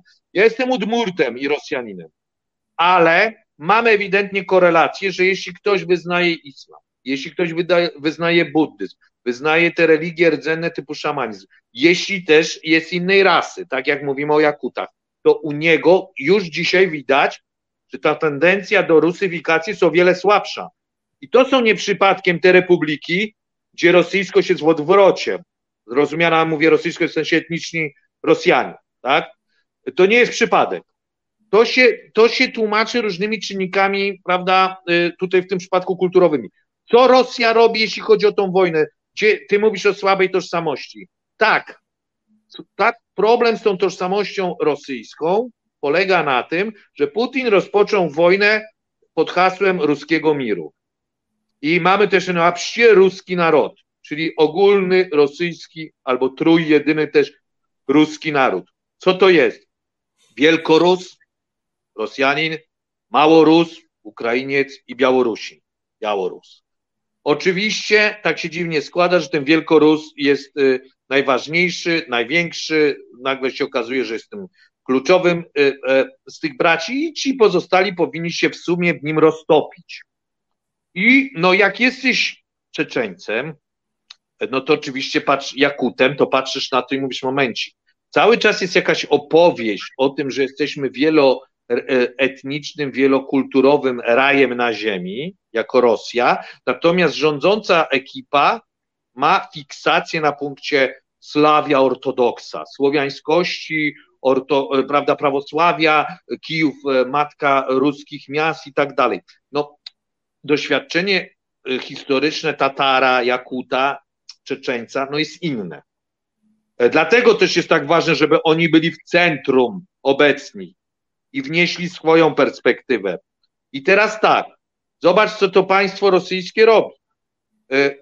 16% terytorium Ukrainy, wliczając Krym i te tereny, które przed 24 lutego były okupowane, te potworki dwa, Doniecka i Łuchańska Republika Ludowa, to jest dzisiaj terytorium pod okupacją rosyjską. I jest ewidentnie coś takiego, że Rosja dokonała, co widzimy, aneksji tych terenów wszystkich. I mówi, to jest moje. I można powiedzieć, co tu się dzieje? Y, y, zajęliście te tereny, bo w sumie opcja minimum to jest zwiększyć liczbę Słowian w ramach Rosji. Bo zdecydowana większość mieszkańców tych terenów to Słowianie. Część uciekła do, w głąb Ukrainy. Natomiast szacuje się, trudno bardzo szacować, że część uciekła do Rosji ze względu na walki. E, ONZ szacuje, że to jest 2 e, miliony 800 tysięcy ludzi ponad, tak? Natomiast no jak ich e, policzymy, to jest mniej więcej 6 milionów ludzi. Krym, Donbas i te tereny Zaporoża, Hersonia przez nich kontrolowane. Oczywiście, y, ja jestem bardzo za tym i chcę zobaczyć ten scenariusz, żeby Ukraina odbiła te tereny. I może, dlaczego nie?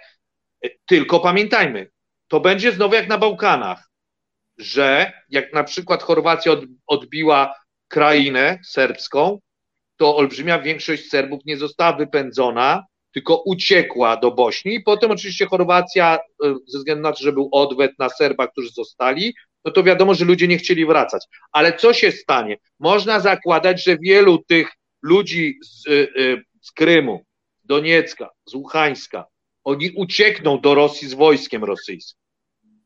Więc będziesz miał więcej Słowian, Następna sprawa, no co dalej z Białorusią? My bardzo mówi, chcielibyśmy, oczywiście ja to rozumiem, żeby doszło do zmiany reżimu, demokratyzacji, żeby Białoruś weszła na drogę do Unii Europejskiej i tak dalej.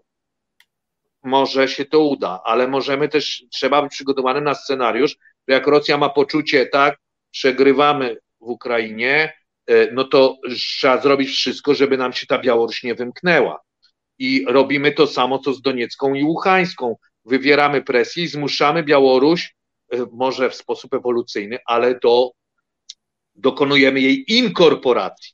I co znowu? 9,5 miliona Słowian, których oczywiście, jeśli mamy reżim typu Putina, wiadomo, że wielu z tych ludzi nie chce Rosji, nie chce się podporządkować, będą jakieś protesty i tak dalej, ale na razie wojna pokazała, że to białoruskie społeczeństwo jest w dużym stopniu pasywne. No niestety. I w efekcie może być coś takiego, że logika jest taka. Zakładam, że takie są rozmowy e, w najwęż, najwęższym kręgu wokół Putina. E, utrzymać słowiański charakter albo wzmocnić słowiański charakter Rosji. No dobrze, ale teraz ja chciałem, chcę Ci zadać troszkę inne pytanie. A mianowicie y, tutaj zabrałeś... Jeszcze jedna rzecz. Tak? E, Proszę. E, jeszcze jedna tylko rzecz bym dodał. E, to, co jest w Polsce bardzo potrzebne, to oprócz tego, żeby poszerzyć wiedzę na temat tych narodów, e, mamy dużo uprzedzeń, stereotypów i tak dalej, ze względu na silną islamofobię też, tak? Polsce, która nie dotyczy tylko elektoratu PiSu. E, I to, co jest istotne, kluczowy warunek dostrzec, że te narody historycznie często nie są, e, mają znacznie większą, często i dłuższą historię związków z innymi krajami, innymi narodami niż Rosjanie. I wtedy oczywiście wracamy do tej kwestii, co wspomniałeś, gracze zewnętrzni, na przykład Turcja. I tutaj chciałem dodać, no zobaczymy, tak, jaka będzie kondycja Turcji długoterminowo i tak dalej. Co, co jest pewne, że mamy kraj, który, e, w którym przyrost naturalny się zmniejsza, ale nadal on jest na, teraz jest powiedzmy ta faza e, o tyle, że ten, to nie jest, to może być dywidenda, a nie obciążenie, bo mamy coś takiego, że Turków jest 80 kilka milionów, w 2050 będzie ich 95 milionów. I tak samo Iran, który ma 80 kilka milionów mieszkańców i który jest powiązany historycznie z Kaukazem, e, z Azją Centralną, zobaczymy, co będzie z nim. To jest mocarstwo regionalne, które dzisiaj jest straszne, nieciekawe, sojusznik Rosji, ale jak widzimy po tych masowych protestach, to nie jest tak, że na zawsze mamy tych ajatollahów. I to będą te bardzo ważne tendencje, które będą miały przełożenie na procesy tożsamościowe, bo w przypadku tureckim mamy całą ideę, ideę panturkijską, tak? I tutaj, no, historia jest taka, że bardzo ważną rolę w rozwoju tych koncepcji panturkijskich odgrywali muzułmanie tureccy z Rosji. Yusuf Akczura na przykład, Tatar Kazański. Proszę no, bardzo, Kaziu, przepraszam. No tak, bo moje pytanie jest takie. Y, y, mianowicie o, już nie o samą Rosję, ale o naszą wiedzę o Rosji. Mianowicie przez y, bardzo długi czas i Zachód, ale w gruncie rzeczy i w Polsce ta uwaga była skoncentrowana na Moskwie, na to, co się dzieje w Moskwie.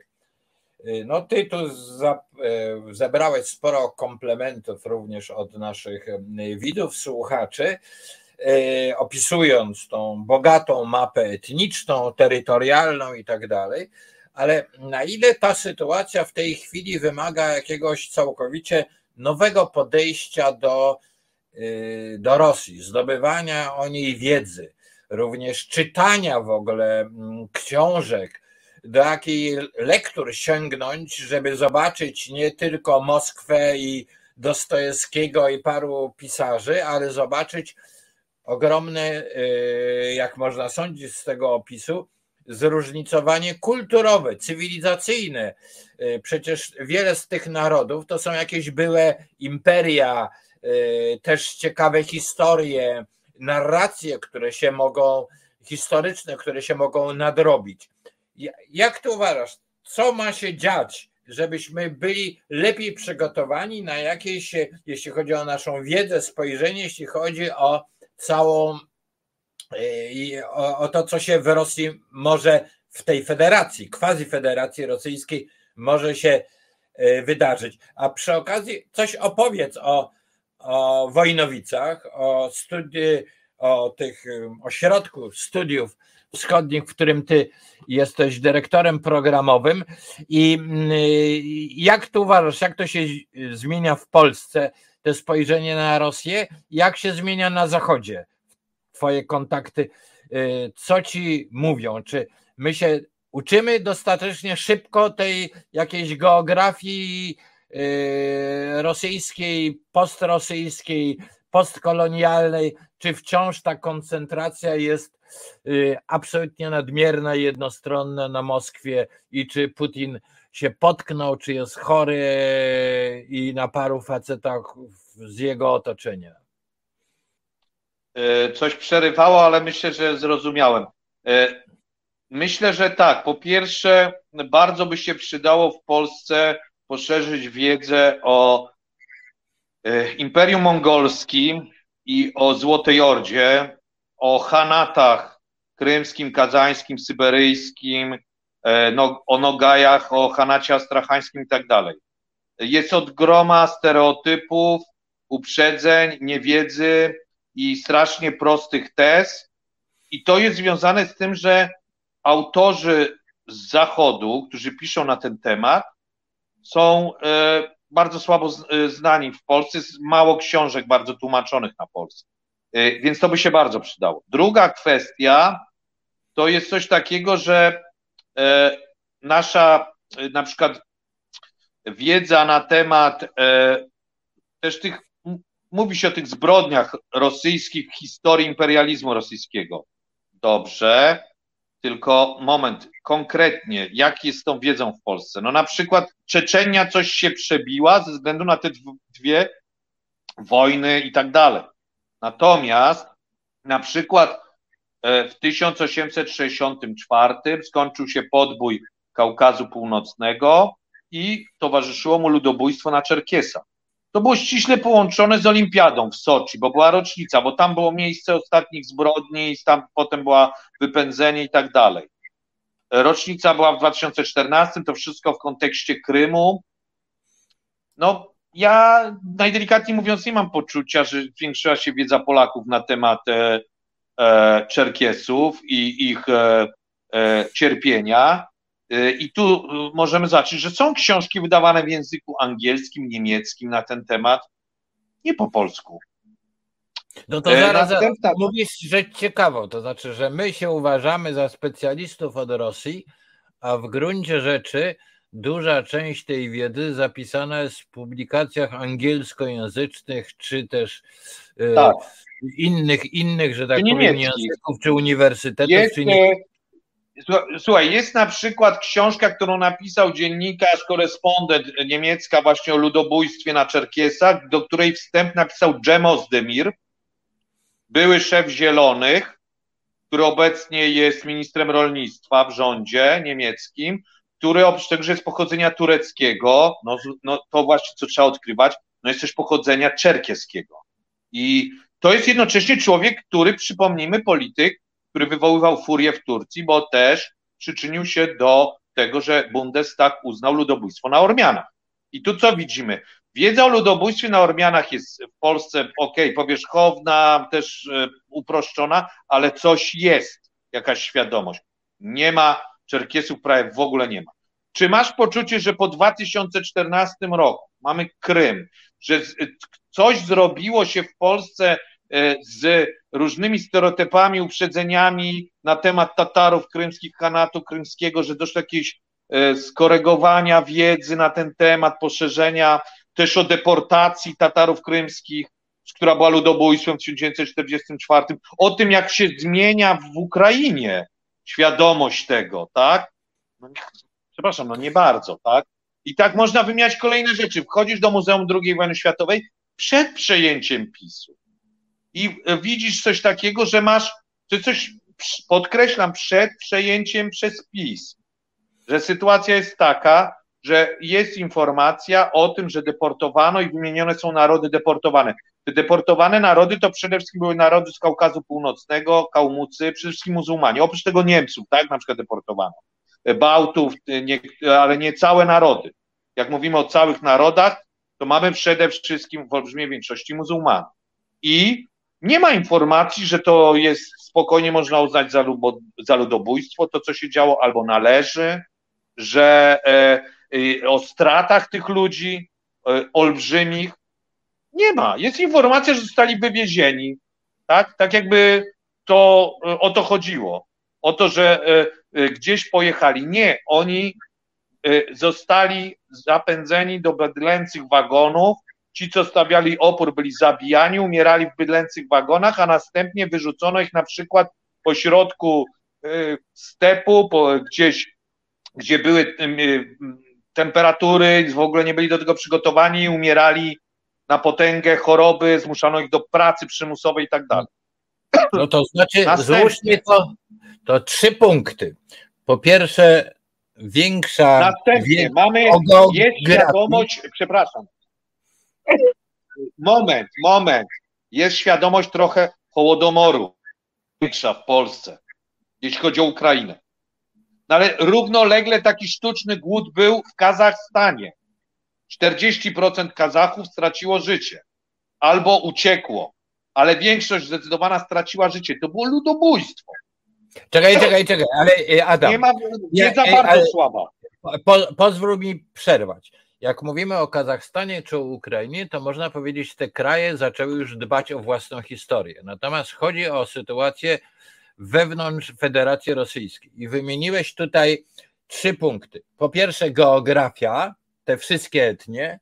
Druga rzecz, poszczególne te resztki czasem narodów mają swoją ciekawą historię, którą by trzeba poznać. I trzeci element to jest element represji, który by trzeba traktować nie jako gułak ogólnie, tylko spojrzeć, jak czy Czerkiesi, czy inni byli, że tak powiem, represjonowani i każdy z tych narodów, etnii przeżywał to na swój sposób. Tak, no więc właśnie, i tutaj jest y, ogromnie. Tylko znowu e, mogę coś dodać? No to, to co jest bardzo ważne, żebyśmy też zrozumieli. Jesteś? Tak, tak, jestem, jestem, słucham cię z uwagą. Tak. Żebyśmy też zrozumieli, nasz problem często polega na tym, że mamy to przekonanie, Rosja równa się więzienie narodu. I tak, Rosja dla niektórych y, popełniała zbrodnie, E, włącznie z ludobójstwem i tak dalej. Oczywiście to nie jest tak, że jedyna takie rzeczy robiła, bo na tym polegały różne, prawda, ekspansja kolonialna imperializm. To nie jest tylko przypadłość Rosji, ale żebyśmy sobie zdawali sprawę, żebyśmy nie tworzyli też takiego jednostronnego obrazu, bo mamy. Coś na koniec znowu się psuje. Halo? Proszę Państwa, zbliżamy się do końca naszej audycji, e, a coś znowuż są problemy techniczne, w związku z czym ja pozwolę sobie, e, może Adam się jeszcze na chwilę włączy, to wtedy mu mm, e, podziękuję, ale ja na razie zrobię znowuż reklamę. Przypomnę o książce Globalna Ukraina, którą Państwu gorąco polecam. I powiem też, że na w Placu Konstytucji znajduje się, na Placu Konstytucji znajduje się. Jestem, słyszysz tak, mnie? Zaraz tylko dokończę tutaj taką e, wiadomość, informację. Znajduje się Dom Wschodni. E, Kaziu, słyszycie? Tak, słyszycie. Znajdu... Tak. Chciałbym tylko jedną rzecz dodać bardzo ważną, żebyśmy sobie zdawali sprawę, że historia Rosji to też jest jak w każdym takim imperium doświadczenie, y, że no, mamy też doświadczenie jakiegoś synkretyzmu, metysażu, tolerancji, przenikania się. To nie jest tylko podbój, wyzysk, eksploatacja i mord. I wtedy, bo... Mm, no. Y, dlaczego trzeba o tym pamiętać? Po to, żebyśmy nie robili sobie złudzeń, że wszyscy tylko marzą ci nieetniczni Rosjanie, żeby się od Rosji odłączyć. Dam przykład historyczny. Jak była pierwsza wojna światowa, to w wojsku rosyjskim, w armii carskiej, wśród oficerów wyższych, pułkowników i generałów znajdziemy kilkuset muzułmanów. To było wówczas nie to było niewyobrażalne. Nie, nie możemy. No, niestety, niestety mamy kłopot. Mamy kłopot na koniec techniczny, więc jeszcze raz, proszę Państwa, e, polecam e, książkę Globalna Ukraina, w którym wiele tych problemów poruszonych przez Adama Balcera również jest poruszanych. I może nie podsumowując, bo jest to trudne, ale e, na pewno nasza wiedza o Rosji musi ulec e, Federacji Rosyjskiej, musi ulec bardzo poważnemu wzbogaceniu. I to jest absolutnie konieczne.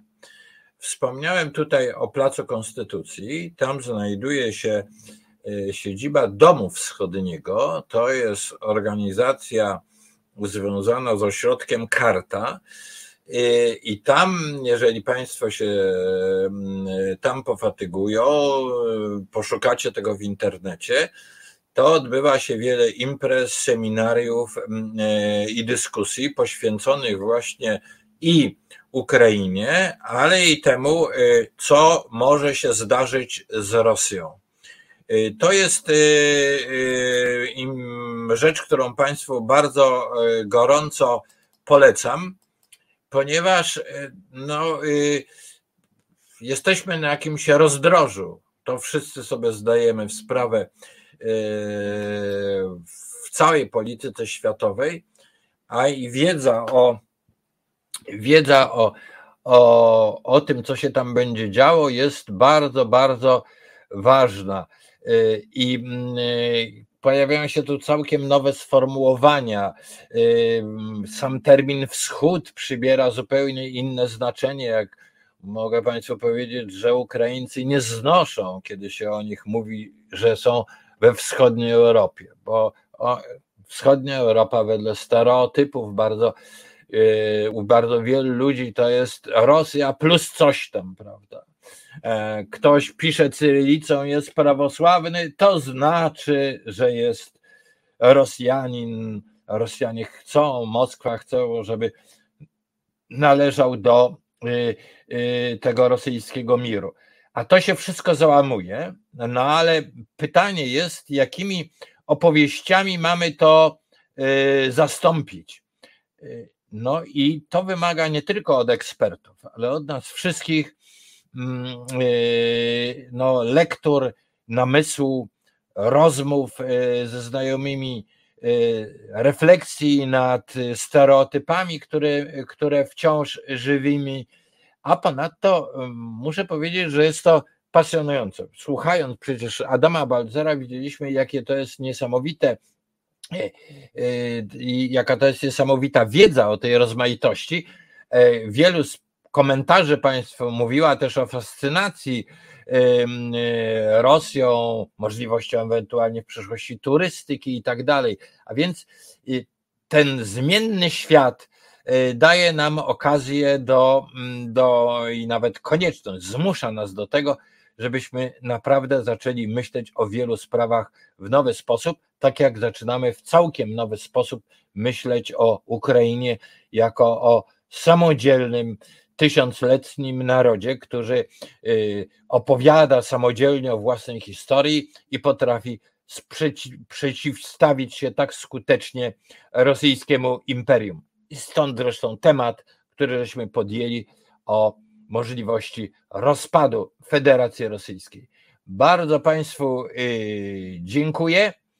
Y, jeszcze raz przypominam, dzisiaj Załęski był w Brukseli i Ukraina coraz bardziej przybliża się do Unii Europejskiej i miejmy nadzieję, że ten sen nie tylko ukraiński, ale nas wszystkich się spełni, a my będziemy się też zastanawiali, co dzieje się z całą polityką globalną, kiedy Ukraina przybliża się do zwycięstwa. Dziękuję Państwu bardzo i zapraszam do audycji w następny czwartek.